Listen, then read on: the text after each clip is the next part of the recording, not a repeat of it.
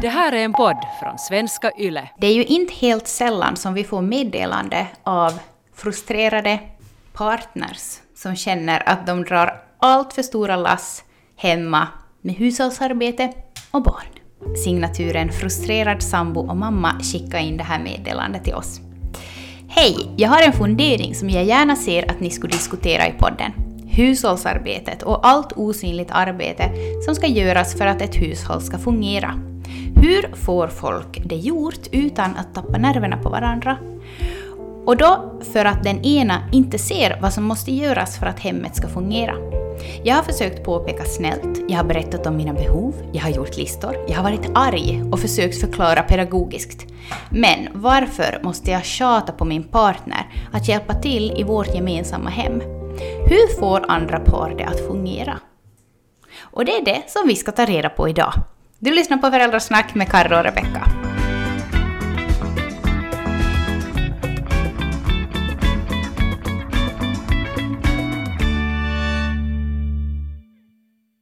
Så vi har alltså fått in en massa lösningar av er. Och vi kommer att räcka in upp tio av dem och så hoppas vi att någon av de här kan passa in på just din relation. Eller att man kan typ, vet du, ta en liten del av någonting här och en liten del av någonting där och att vad, vad liksom skulle passa oss.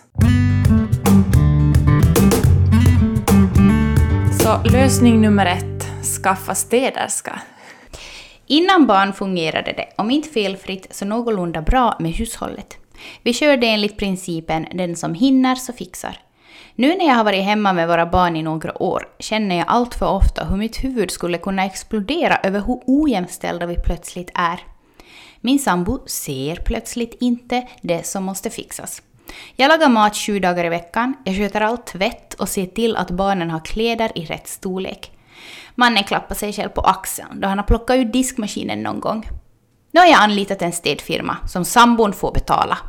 Nu marrade han över det här och tyckte att nu måste vi väl kunna städa själva. Då sa jag helt kallt att då får han städa varje vecka för hushållerskan här har sagt upp sig. Sen dess så har det inte mojtats något mer om det när städerskan kommer. Vi har nog mycket att reda upp ännu gällande hushållsarbetet, men jag har definitivt mer ork när ett stort jobb är borta ur min arbetsbild här. Det sa signaturen plötsligt inte jämställt. Jag förstår ju precis det hon beskriver och jag tror att de flesta som har fått barn kan känna igen den här att, att saker som kanske var jämställt på ett annat sätt så blir på ett annat sätt när då oftast mamman, kvinnan i förhållande, är hemma med barnen och på något sätt automatiskt ser allt som sker och man liksom tar ju ett större ansvar när man är hemma på dagarna och så bara blir det liksom sådär. Men samtidigt när hon beskrev just det där med, med städerska så jag fick en sådär lite som befriande känsla för jag, vi har fun, jag funderar mycket på det där kring att, att hur är det liksom, det är ju inte egentligen tänkt att typ två föräldrar som jobbar heltid och har barn och har allt. Tidigare så var man ju flera och man hjälptes åt och man hade mommo och fammo och man hade liksom folk som man delade, man liksom delade upp saker.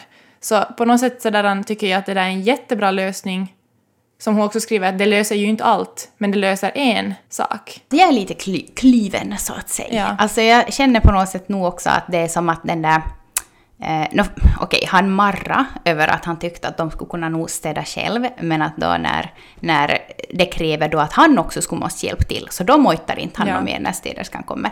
Men att på något sätt, mm, istället för att ta tag i problemet, mm. så bara ta in hjälp istället som gör, alltså som sopar problemet under mattan kan man väl säga. Eh, och som i slutet så skriver hon, men jag har definitivt mer ork när ett stort jobb är borta ur min arbetsbild här hemma.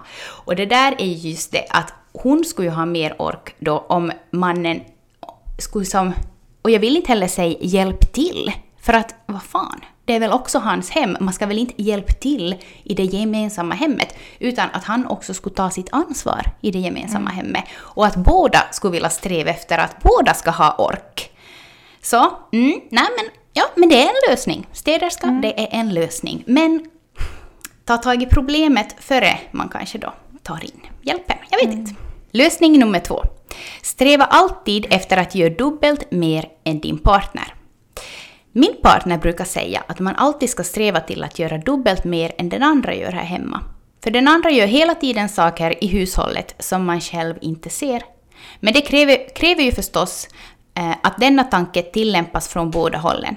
Ett sådant tanke och handlingssätt gör att vi slipper jämförande, gnat och ilska över fördelningen av vardagliga sysslor, säger signaturen i ett 35-årigt förhållande.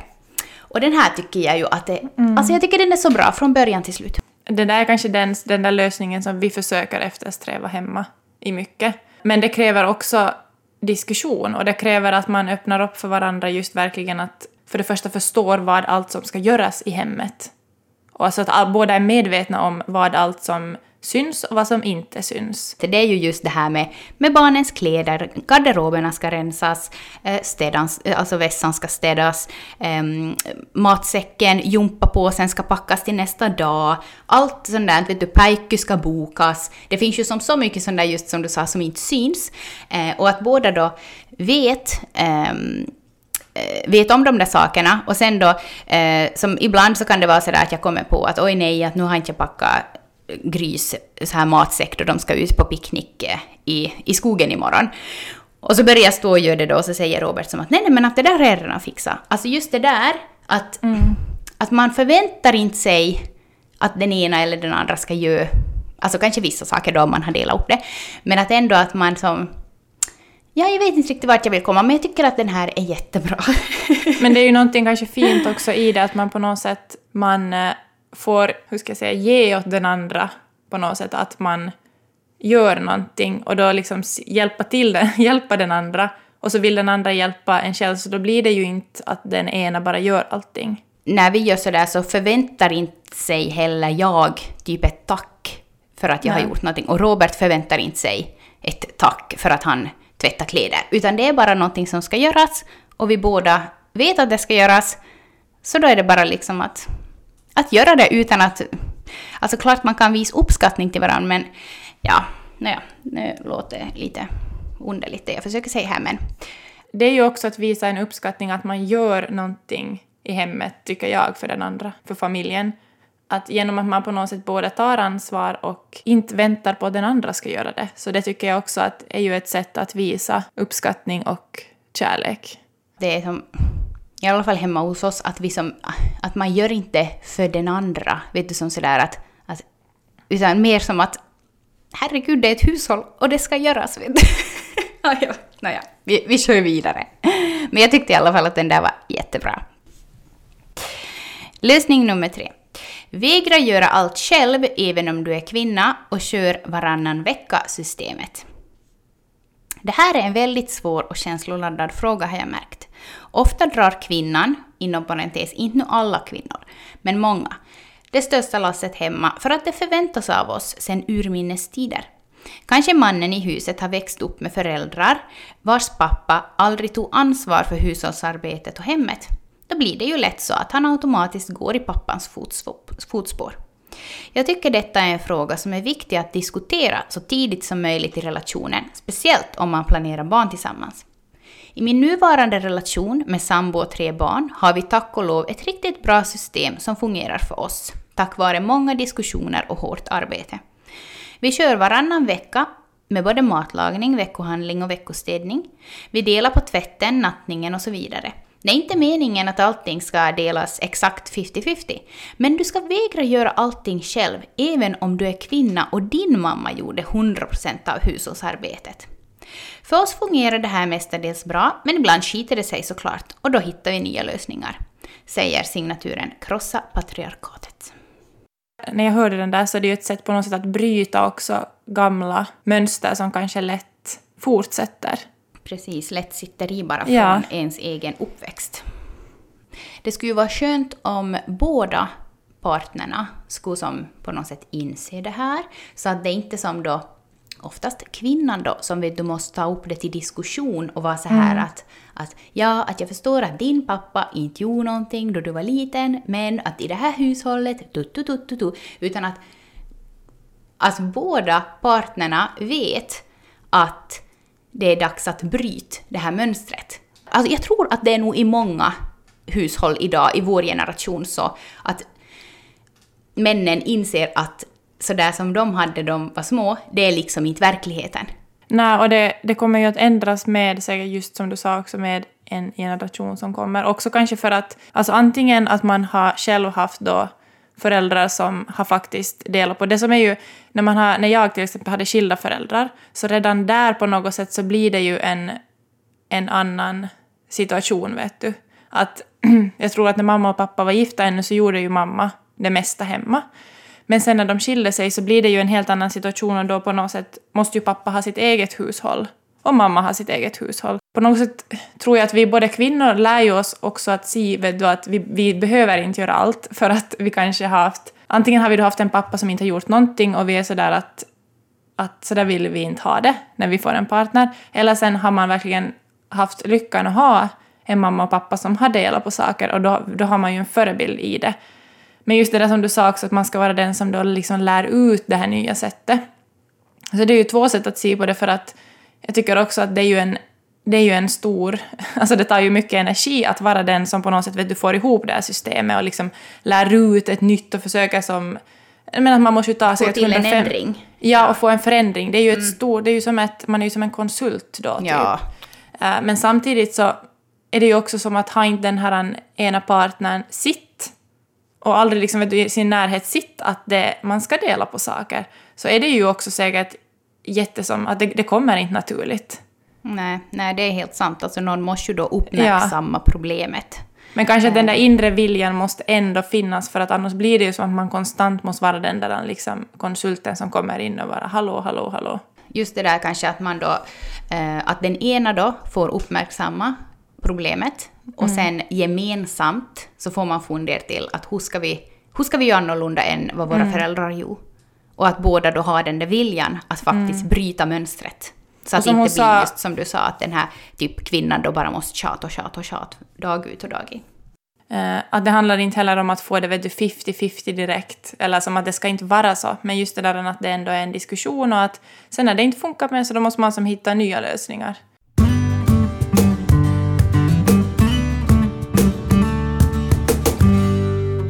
Lösning nummer fyra.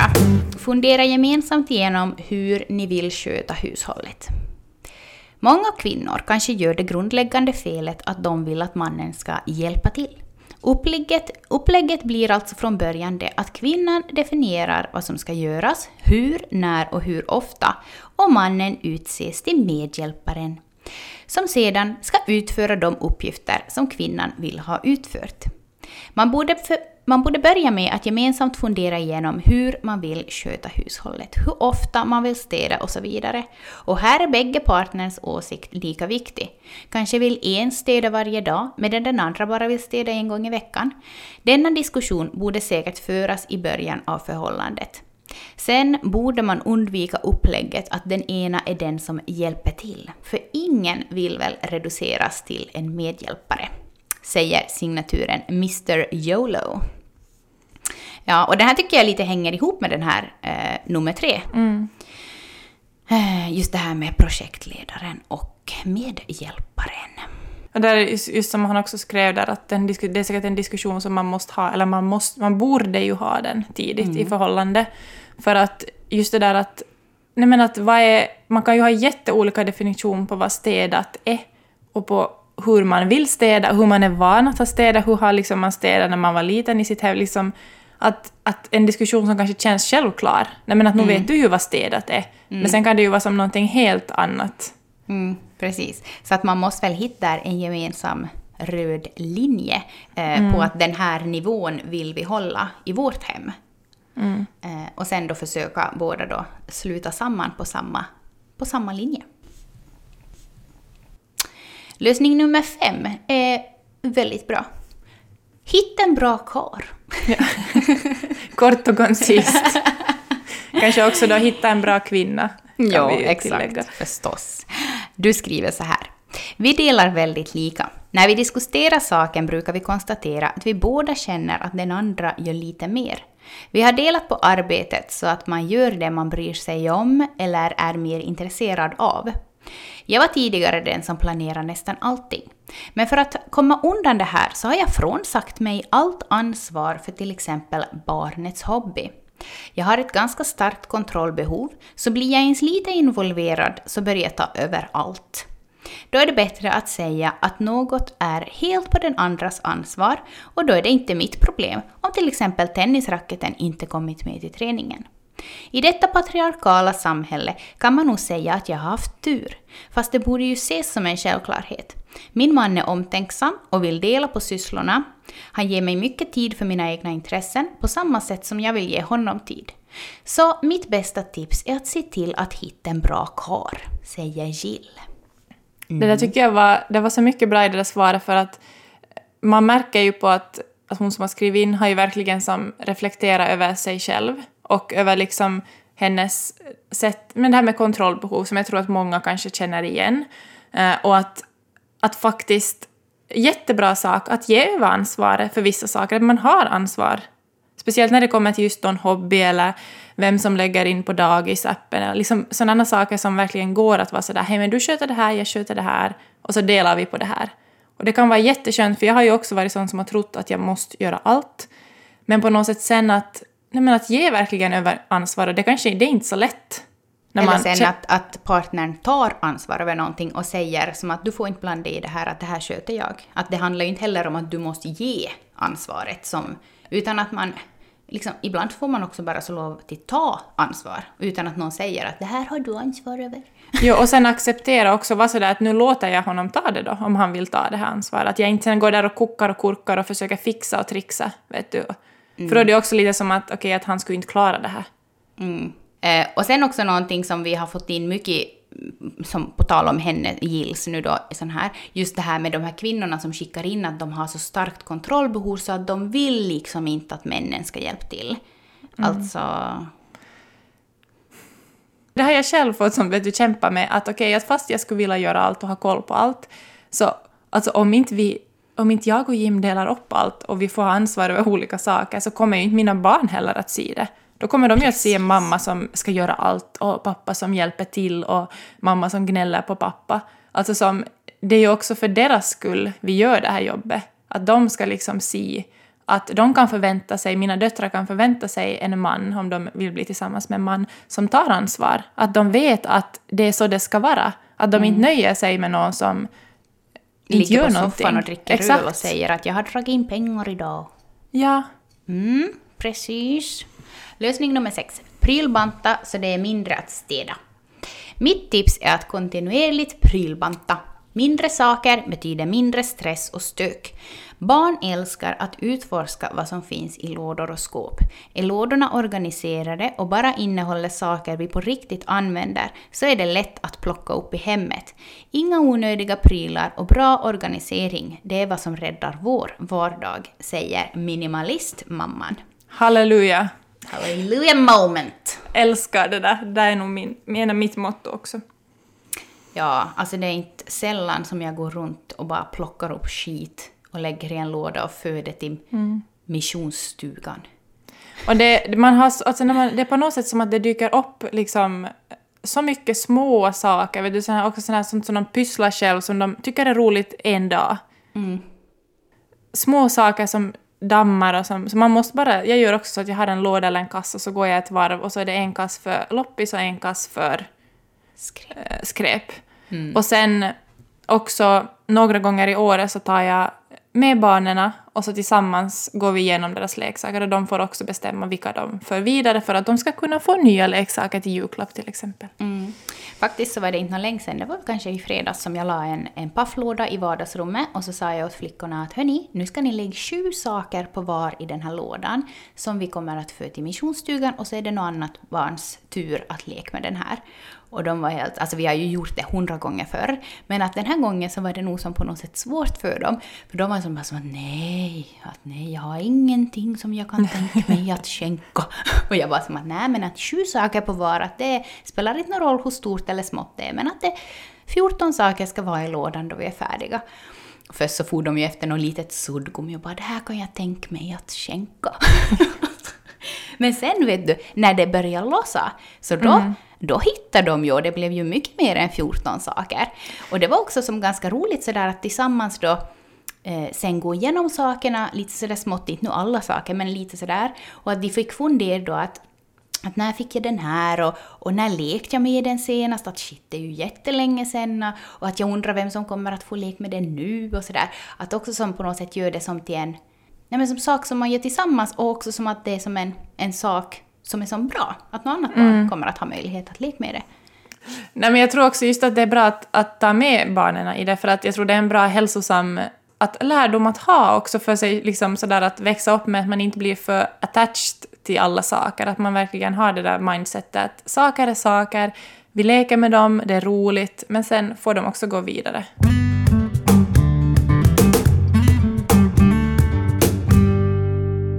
Lösning nummer åtta. Diskussioner och jämställdhetstänk är lösningen. Det är en självklarhet för mig och min sambo, som är en man, att dela på hushållsarbetet. Vi bodde tillsammans i många år innan barnen kom och då var det naturligt att dela på städning, tvätt och disk. Det är också något vi har diskuterat med varandra och sett som viktigt. Jag undrar hur de män som smiter undan hemarbetet argumenterar för sig. Jag är ledsen, men däckbyte två gånger i året räcker inte. Vi delade jämt på föräldraledigheten, så vi har varit hemma med barnen ungefär lika länge. Jag tror att det har varit en stor bidragande orsak till att min sambo förstår hur mycket tid och energi det går åt till att ta hand om barn och samtidigt ta hand om hem. Det dagliga plockandet gör vi båda två utan att den ena behöver tjata på den andra. Det ligger ju ändå i bådas intresse att huset är någorlunda städat och i ordning. Ibland är det den ena av oss som gör mer hemma och den andra gör mindre. Men över tiden så jämnar det ut sig. Min sambo har inte gett uttryck för några förväntningar om att jag i egenskap av kvinna ska ta ett större ansvar för städning eller dylikt. Och det där om att den som drar in pengar, det gör vi båda ungefär lika mycket, så det är inget argument för att någon av oss ska lägga sig på soffan. Män som argumenterar på det viset borde tänka på hur mycket det obetalda hushållsarbetet som deras partner utför är värt. Av många diskussioner att döma så är det många kvinnor som har en mansbebis hemma. Det är säkert otroligt bekvämt för männen att låta kvinnan i förhållandet sköta allt, men det är faktiskt dags för de här männen, inte alla men många, att växa upp och ta dammsugaren i vacker hand och grötsleven i den andra, säger Kajsa.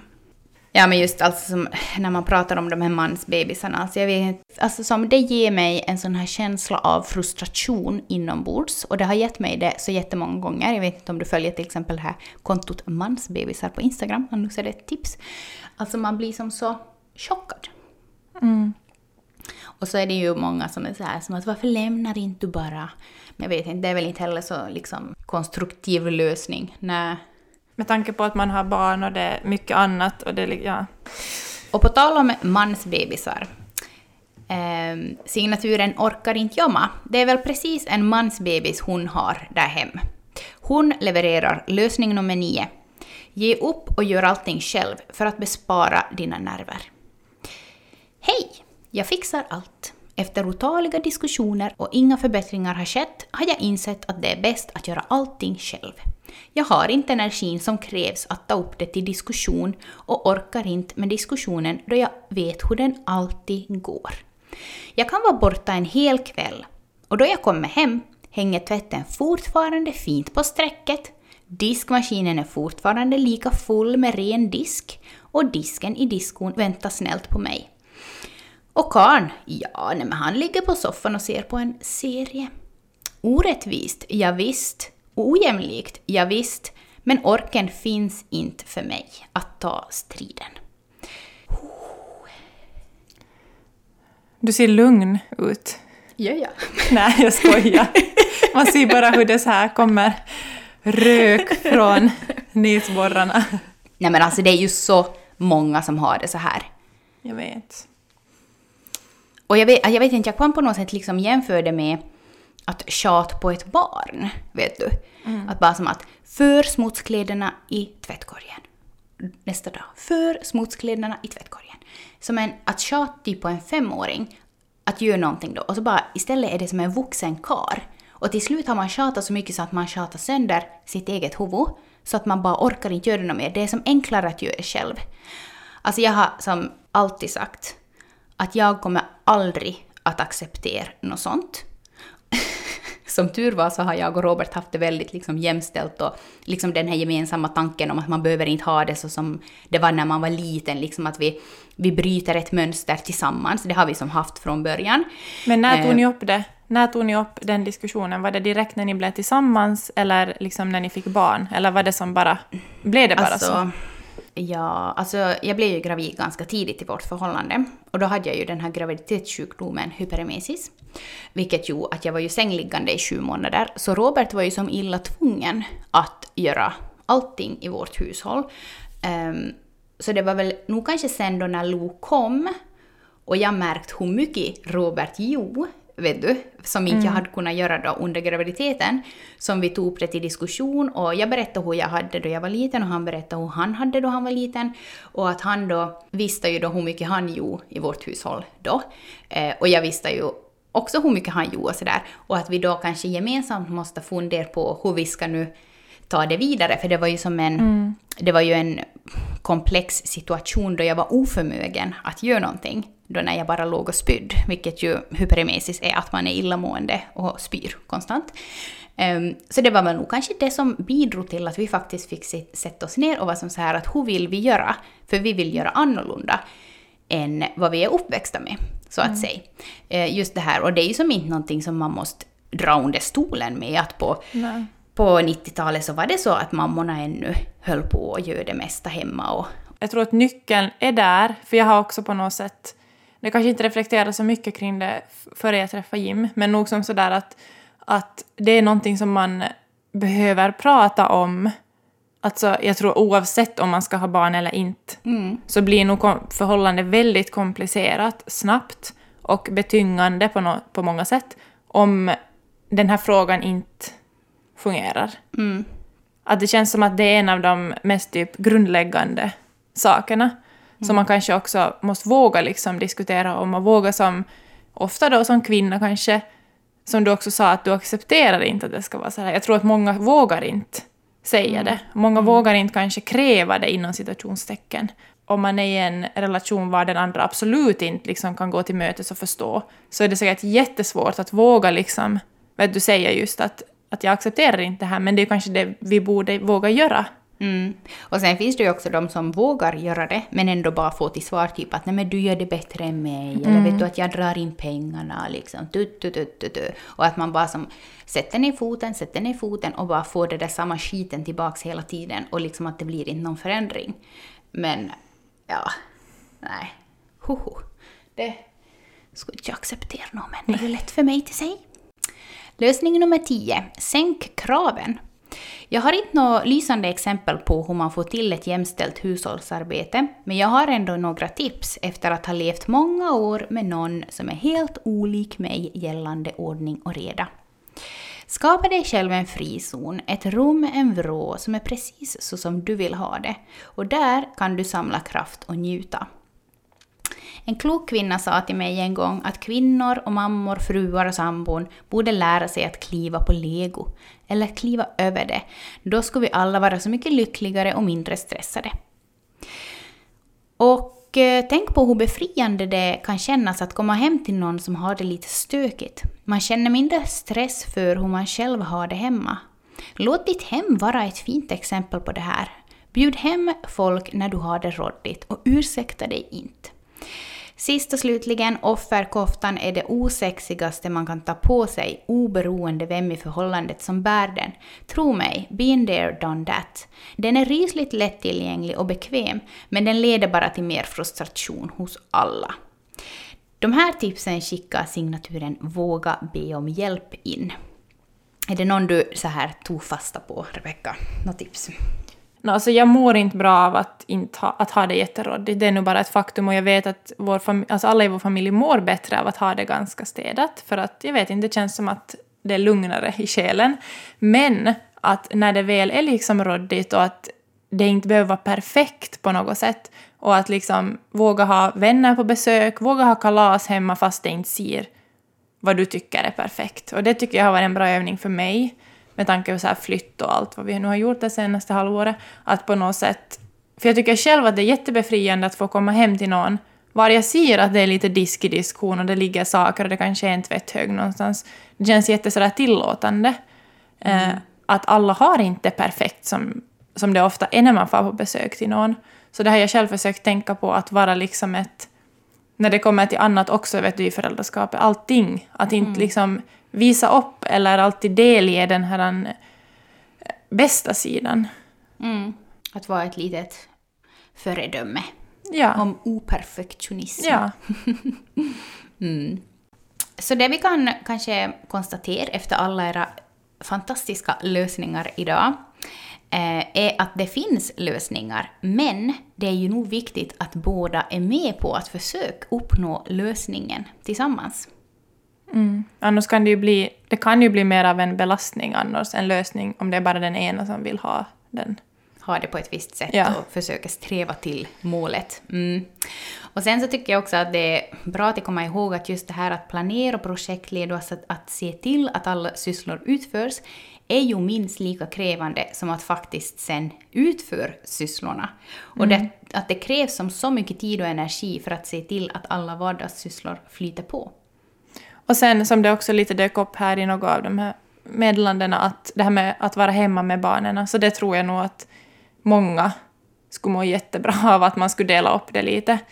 Eh, för att, nej men alltså just det där att båda partnerna vet hur det är att vara hemma med barn, vad mm. allt som ska göras under dagen.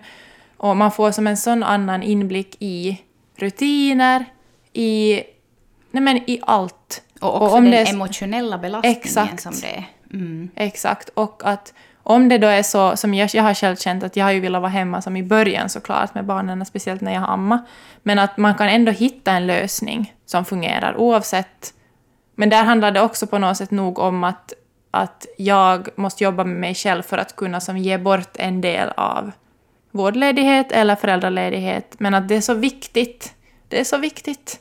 Mm. Också att båda parterna får en sån relation till barnet som är liksom i vardagen. Och mm. inte, mm. inte bara det här att komma hem och vara den roliga föräldern. Mm. Typ. Och sen kanske också att ändra på, en, på tankesättet att det är inte kvinnan som ger bort vårdledigheten utan att det, mm. är, det finns en vårdledighet och hur ska ni dela upp den för att båda har lika stor rätt till den. Mm. Mm. Som ett sista tips så vill vi uppmana er allihop att gå in på delalika.nu. Där finns ett jättebra eh, test om jämställt föräldraskap och hushålls, hushållsarbete som Män för jämställdhet har tagit fram. Så sätt er ner med er partner ikväll. Och, och gör det på varsin telefon. Så får ni se där lite procent hur mycket ni uppfattar att ni gör. Eh, och där handlar det om både hushållsarbete, eh, emotionella delar av föräldraskapet och eh, just den här metajobb som kanske inte alltid syns.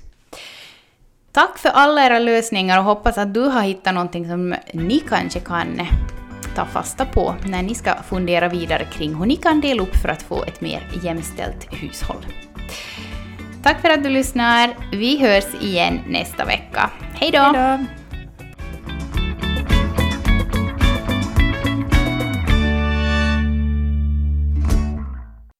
Det här är en podd från svenska YLE.